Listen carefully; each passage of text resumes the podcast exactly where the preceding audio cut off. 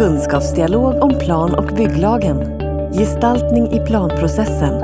Föreläsare är Per Mikael Sällström som forskar om arkitektoniska gestaltningsprocesser på KTH. Kunskapsdialog om gestaltning i planprocessen. Sedan 1992 har Sveriges arkitekters planprisjury valt ett väl utfört planarbete som behandlar en angelägen fråga. Som sekreterare till juryn har jag under 20 år följt planeringen i Sverige. Det har gett mig tillfälle att reflektera över hur gestaltning fungerar i planprocessen. Parallellt med mitt arbete som jurysekreterare bedriver jag även forskning i arkitektonisk gestaltning på KTH. Jag la fram min licentiatavhandling om akustik och arkitektonisk form i ämnet formlära 2002. Nu arbetar jag med en doktorsavhandling där jag vidgar perspektivet till en mer generell designteori. Den handlar om hur hållbarhetskrav samordnas med hjälp av gestaltning till en estetiskt tilltalande helhet i design och planprocesser.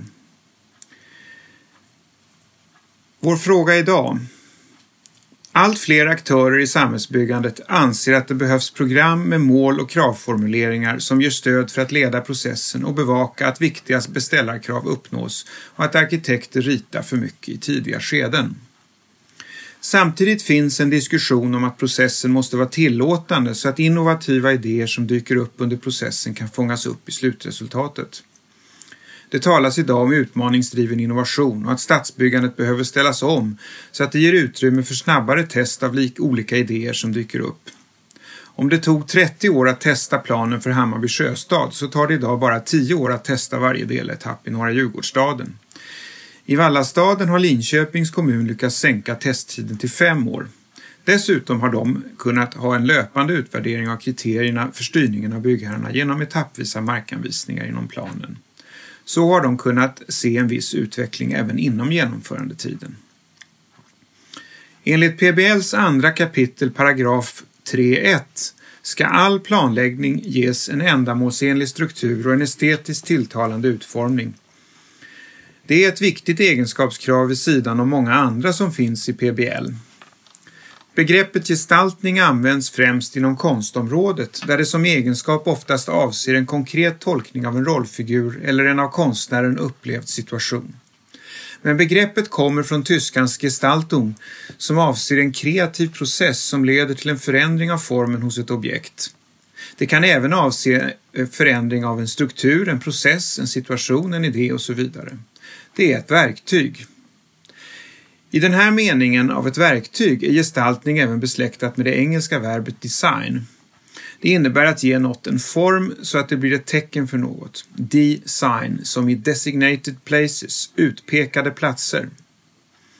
Diskussionen om hur planering kan förenas med en kreativ arbetsprocess går tillbaka till början av 1990-talet då planeringen avreglerades i Sverige och marknaden fick en större roll. Stadsarkitekten Ole Reiter i Helsingborg skrev i en dokumentation av planeringen för bostadsutställningen H99 att citat, det krävs mer än en stark idé, parentes, det som arkitekter vanligen hänger upp sina förslag på, slut parentes, för att få god kvalitet på helheten.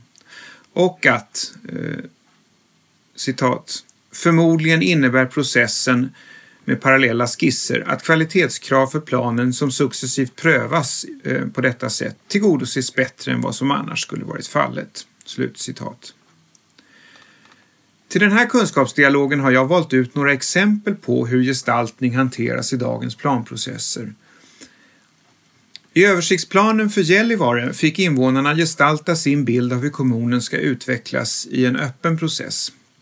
Medborgarnas förslag ledde till de tre målen att skapa attraktiva boendemiljöer, variation av boende för alla och ett myllrande stadsliv i tätorten. En av strategierna konkretiserades som en fjällby på berget Repisvara, en annan som en by vid älvstranden till Vassara och en tredje som en förtätning i centrum. Strömsunds kommun gjorde för tio år sedan en tematisk fördjupad översiktsplan för vindkraft utifrån dess påverkan på landskapsbilden.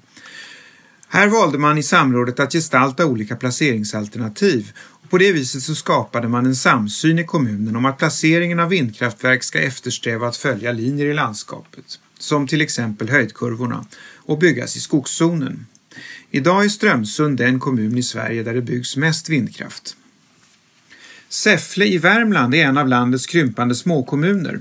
Med stöd av en geografisk fördjupad översiktsplan har de formulerat en stadsbyggnadsvision för sin tätort. Ökad attraktivitet med hjälp av gestaltning som lyfter fram befintliga värden och förstärker mötesplatser ska få folk att bo kvar. Arbetssättet ger ett fokus på ortens styrkor och stärker självkänsla och identitet genom att lyfta gestaltningskvaliteter i byggbyggelsen som helhet. I detaljplanen för Södra Ladugårdsängen i Örebro är syftet att höja kvaliteten på det som byggs och få en mer hållbar stad. Ett kvalitetsprogram som bilagts detaljplanen konkretiserar målen. Här ska till exempel bli sammanhängande gröna innergårdar, lokaler i bottenvåningar, ett vindlande gatunät och en varierad arkitektur med integrering av miljöteknik så att det är lätt att göra rätt. I södra Ladugårdsängen är målen väldigt många, fler än de jag valt ut här. De använder i viss mån effektmål eller principer för gestaltningen som att det ska vara lätt att göra rätt. Men de flesta kraven utgörs bara av en katalog av egenskaper som delvis även är typiserade gestaltningslösningar. I norra Djurgårdsstaden arbetar Stockholms stad med strategisk samordning av kvalitet och hållbarhet med stöd av ett områdesövergripande hållbarhetsprogram. Här anges principer för hur hållbarhet och gestaltning ska samordnas så att gestaltningen blir ett verktyg för att öka hållbarheten i bebyggelsen. Principerna utvecklas i planprogram för varje deletapp. För etapp Kolkajen anges fem strategier som ska förena kvalitet och hållbarhet. Strategierna definieras med konkreta principer för utformning i planprogrammet. Det handlar till exempel om att grönytefaktor ska tillämpas i området eftersom det anses berika arkitekturen och säkerställa att andelen grönyta blir tillräckligt stor och av tillräckligt hög kvalitet. Exemplet visar att det kan vara lite förvirrande att jämställa kvalitet med hållbarhet när kvalitet egentligen avser principer för gestaltning. Även hållbarhet är i den meningen ett kvalitetskrav.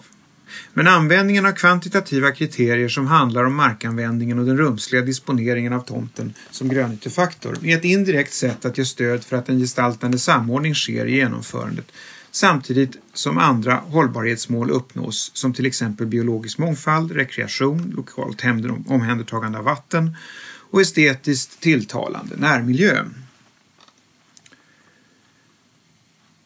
Min tes eh, till kunskapsdialogen idag är att den tendens som finns i PBL och som återspeglas i dessa exempel eh, till att se gestaltning som en egenskap leder till att gestaltning ställs mot andra mål och att värdet av gestaltning som metod för samordning i sig kommer i skymundan. Flera av exemplen visar att gestaltning i själva verket även fungerar som ett verktyg för innovation och innovativ samordning av olika krav utifrån platsens fysiska och ekologiska förutsättningar, liksom det sociala, politiska, kulturella och ekonomiska sammanhanget kring projektet. När arkitektkontoret Okidoki vann plantävlingen om Vallastaden i Linköping för fem år sedan byggde det på en idé om många små tomter som medeltida tegar. Arkitekt Kristina Silverhjelm från Okidoki berättar i en intervju den 13 november i Arkitekten att tanken med Okidokis stadsplan med små fastighetsindelningar var att det skulle leda till en strukturell variation och innovation i området. Eftersom många byggherrar var tveksamma till planen ritade Okidoki under hösten 2012 igenom varenda fastighet för att övertyga dem. För mig visar det här att arkitektens rumsgestaltande metod kan hantera mycket högre komplexitet än vad många byggherrar och kommuner föreställer sig, bara det ges utrymme för den i processen. Jag vill i den här kunskapsdialogen därför diskutera vilka erfarenheter ni har av att formulera mål som ger utrymme för ett gestaltande arbetssätt och hur vi kan utveckla en sån styrning i planeringen. I mitten på 1990-talet intervjuade arkitekten Lennart Holm, som tidigare varit generaldirektör för Statens planverk, några erfarna arkitekter om deras arbetsmetoder. Han konstaterade att arkitektarbetet är ett analys och kunskapsarbete betingat av den mångfaldiga problemsituationen och att behovet att få detalj och helhet att stämma är styrande.